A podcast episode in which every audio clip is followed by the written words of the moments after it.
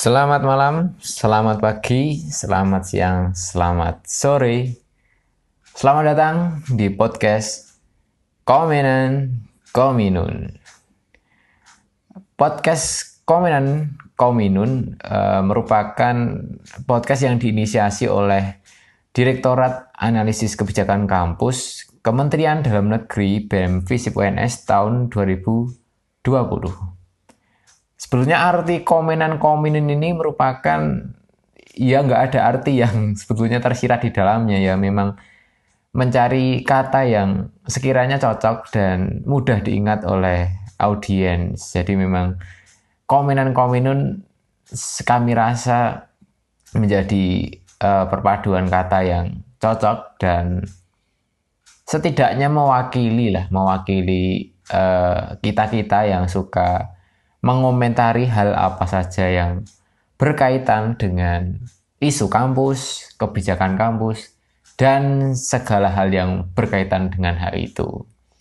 Sebelum uh, kita berbicara lebih jauh, hari ini kita akan monolog dulu, ataupun kita, ataupun saya akan bicara sendiri dulu.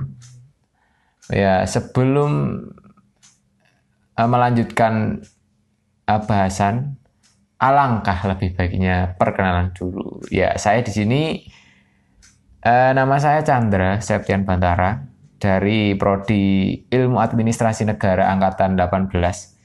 Uh, posisi saya di BEM sekarang sebagai dirjen atau direktorat jenderal di uh, analisis kebijakan kampus. Itu tempatnya itu di bawahnya ada GRI.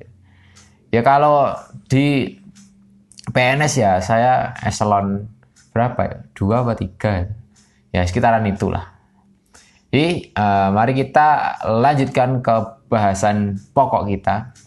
Hari ini kita akan membahas SM Batch 2 buat siapa dan untuk apa? Iya. Jadi memang eh, minggu-minggu uh, ini uh, uh, khalayak UNS dikagetkan dengan adanya program ataupun agenda baru namanya SM Batch 2. Bagi kalian yang belum tahu tentang SM itu apa, itu merupakan salah satu cara mahasiswa atau calon mahasiswa untuk masuk ke UNS. Eh, biasanya itu eh, seleksi dilakukan secara seleksi mandiri dengan tes ataupun menggunakan nilai eh, tes sebelumnya yaitu SNM atau SBM untuk join di seleksi mandiri ini. Biasanya memang urutannya ya SNM, SNM dulu yang biasanya pakai rapot, kemudian SBMPTN ataupun yang tahun ini jadi UTBK. Kemudian kalau nggak keterima lagi, nilai dari UTBK-nya itu buat mendaftar di SM UNS-nya seperti itu. Udah nggak tahu kalau memang uh, tahun ini udah berubah, tapi ya intinya SM itu merupakan salah satu jalur masuk mahasiswa baru ke UNS seperti itu.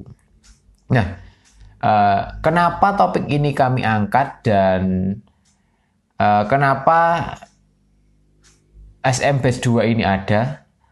Tentu menjadi perhatian penting bagi kita bahwa dari tahun ke tahun ke belakang UNS tidak pernah melaksanakan SM Batch 2 sehingga itu menjadi hal yang lumayan mengagetkan bagi kita selaku mahasiswa ataupun orang yang memperhatikan tentang kampus. Sebenarnya ada apa dengan UNS? Bukan ada apa denganmu. Kalau itu mah lagu. Iya. Yeah. Iya lanjut lanjut. Nah terus nah kenapa uh, ini menjadi polemik? Karena ini terkesan sangat mendadak gitu loh di, di saat perkuliahan ini sudah mulai, sementara SM ini justru masih berlangsung. Sehingga menimbulkan praduga-praduga, terutama di kalangan mahasiswa loh ini. Yang pertama, apakah UNS eh, kekurangan mahasiswa?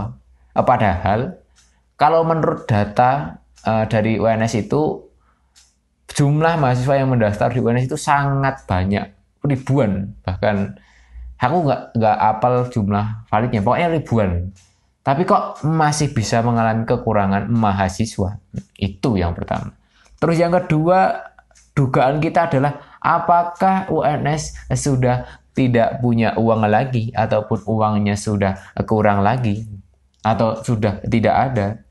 Itu menjadi apa ya? Uh, dugaan yang sedikit menggelitik karena memang ya di setengah kondisi saat ini dan uh, dikuatkan pula dengan UNS yang baru saja mengeluarkan uh, keringanan UKT, penundaan UKT, pembebasan UKT, ya itu menjadi hal yang tanda-tanda kutip uh, dugaan UNS uh, kekurangan uang itu menjadi sah untuk diucapkan ataupun sah untuk diduga duga tentang SMPS 2 ini. Jadi kenapa kita angkat topik ini ya karena ada dua itu karena memang ini hal baru di UNS dan terkesan mendadak. Nah, itu aja sih. Jadi kita angkat topik ini seperti itu. Terus uh, apakah dugaan kita itu benar? Mari kita cek uh, jawaban dari pihak kampus. Dalam hal ini uh, saya menanyakan langsung ke dekan kita Prof Ismi tentang sebetulnya SM Base 2 ini uh, fungsinya apa toh Bu? Kenapa harus ada toh Bu? Terus untuk apa toh Bu? Terus Kenapa kok waktunya terlalu mepet toh Bu?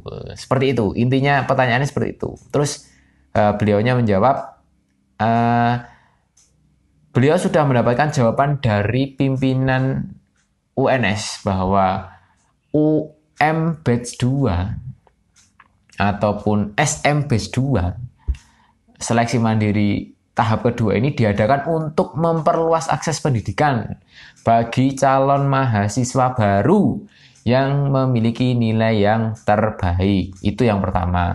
Yang kedua, karena adanya mahasiswa yang mengundurkan diri karena adanya swing choice. Swing choice itu ketika mahasiswa ini mendaftar di beberapa univ yang sama, dilalahnya yang didaftari dia itu keterima semua maka kan dia otomatis mengorbankan salah satu. Dan ketika salah satu itu ditinggalkan, maka akan mengurangi jumlah kuota mahasiswa yang ada di dalamnya. Dan itu membuat prodi harus memenuhi kuota yang ada. Karena ya menurut informasi yang aku dapat, ketika sebuah prodi atau jurusan tidak memenuhi kuota mahasiswa, maka akan mengganggu uh, akreditasi yang akan dia peroleh seperti itu. Terus yang ketiga dari jawaban Prof. Ismi, SM Base 2 ini uh, bukan hal yang aneh karena uh, perguruan tinggi lain juga melakukannya seperti Undip, UNAIR, dan beberapa universitas uh, di Indonesia seperti itu. Jadi uh, kalau kita bisa simpulkan uh, jawaban dari Prof. Ismi dalam hal ini mewakili uh, jawaban kampus itu ada tiga. Yang pertama karena untuk memperluas akses pendidikan bagi mahasiswa yang mungkin sampai hari ini belum keterima di perguruan tinggi. Yang kedua karena adanya swing choice ataupun mahasiswa yang keterima di dua perguruan tinggi secara bersamaan dan harus mengorbankan sehingga salah satu perguruan tinggi ini kekurangan mahasiswa dan yang terakhir ini merupakan uh, bukan hal yang uh, mengagetkan karena ada beberapa perguruan tinggi lain yang melakukannya. Jadi itu kalau versinya kampus. Tapi kita juga tidak bisa terus menerima mentah apa yang dilakukan kampus. Uh, kita selaku oh ya, mahasiswa ataupun orang yang lumayan peduli uh, tentang kebaikan kampus itu juga paling nggak punyalah saran ataupun solusi atau kritik tentang hal yang sedang terjadi hari ini. Yang pertama, kalau bisa, dulu uh, UNS mau sih membuka tentang uh, kuota masing-masing prodi itu berapa, daya saingnya seberapa besar di setiap prodi. Jadi ketika mahasiswa itu mendaftar, mereka itu punya gambaran loh. Oh, prodi ini kuotanya segini, daya saingnya segini. Jadi mereka bisa mempertimbangkan gitu loh. Jadi mereka tidak ragu untuk mendaftar dan ketika dia mendaftar sudah melalui pertimbangan yang matang. Maka dari itu kami berharap UNS di tahun yang akan datang semisal ada SM Base 2, Base 3 sampai Batch 99 pun ini bisa dilaksanakan dan datanya dibuka secara umum biar mahasiswanya tahu gitu loh. Dan yang kemudian ada beberapa evaluasi lagi. Yang pertama mengenai jadwal. Nah, bener kan? Ini jadwalnya terlalu dadak. Jadi di saat mahasiswa yang lain sudah mulai kuliah pada tanggal 31 Agustus yaitu angkatan 19, 18, 17, 16 dan ke bawah itu sudah mulai kuliah lagi. Sementara maba sampai hari ini per tanggal berapa ini? Tanggal 4 belum ada kegiatan apa pun termasuk PKKMB. Jadi memang jadwalnya sedikit morat-marit dalam tanda kutip itu tidak tertata dengan baik karena ya memang adanya SMP 2 ini ya itu alangkah baik kampus di masa akan mendatang membuat jadwal yang lebih tertata seperti itu. Kemudian ada evaluasi mengenai mekanisme pendaftaran. Nah, itu uh, dirasa memang uh, kurang jelas untuk mekanisme pendaftaran. Meskipun hanya simpel kita menginput nilai yang kita sudah dapat dan lain sebagainya itu masih dirasa sosialisasinya masih sangat kurang. Dan yang terakhir lagi-lagi masalah, masalah uang pembayaran SPI. Ini karena uh, menurut kita yang membuat mahasiswa itu enggan ataupun melanjutkan lagi untuk daftar ulang ya karena SPI-nya terlalu tinggi. Maka dari itu mahasiswa memutuskan untuk mengcancel ataupun tidak melakukan daftar ulang.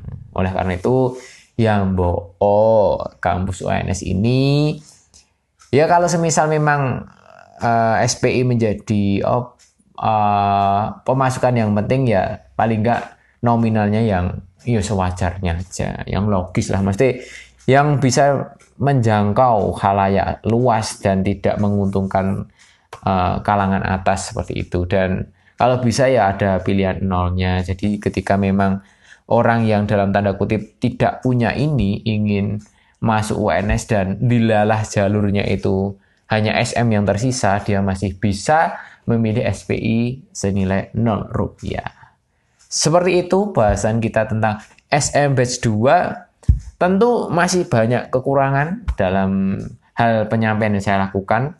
Uh, ini merupakan hal pertama sih bagi saya untuk mengisi podcast. Jadi ya, saya berharap masukan, kritik, dan lain sebagainya silahkan disampaikan di komentar di bawah. Uh, cukup sekian uh, apa yang saya sampaikan. Semoga bermanfaat. Uh, jadilah mahasiswa yang aktif untuk mengikuti perkembangan kampus. Seperti itu. Selamat siang, selamat sore, selamat pagi. Sampai jumpa kembali di podcast Komenan Kominun yang akan datang. Bye-bye.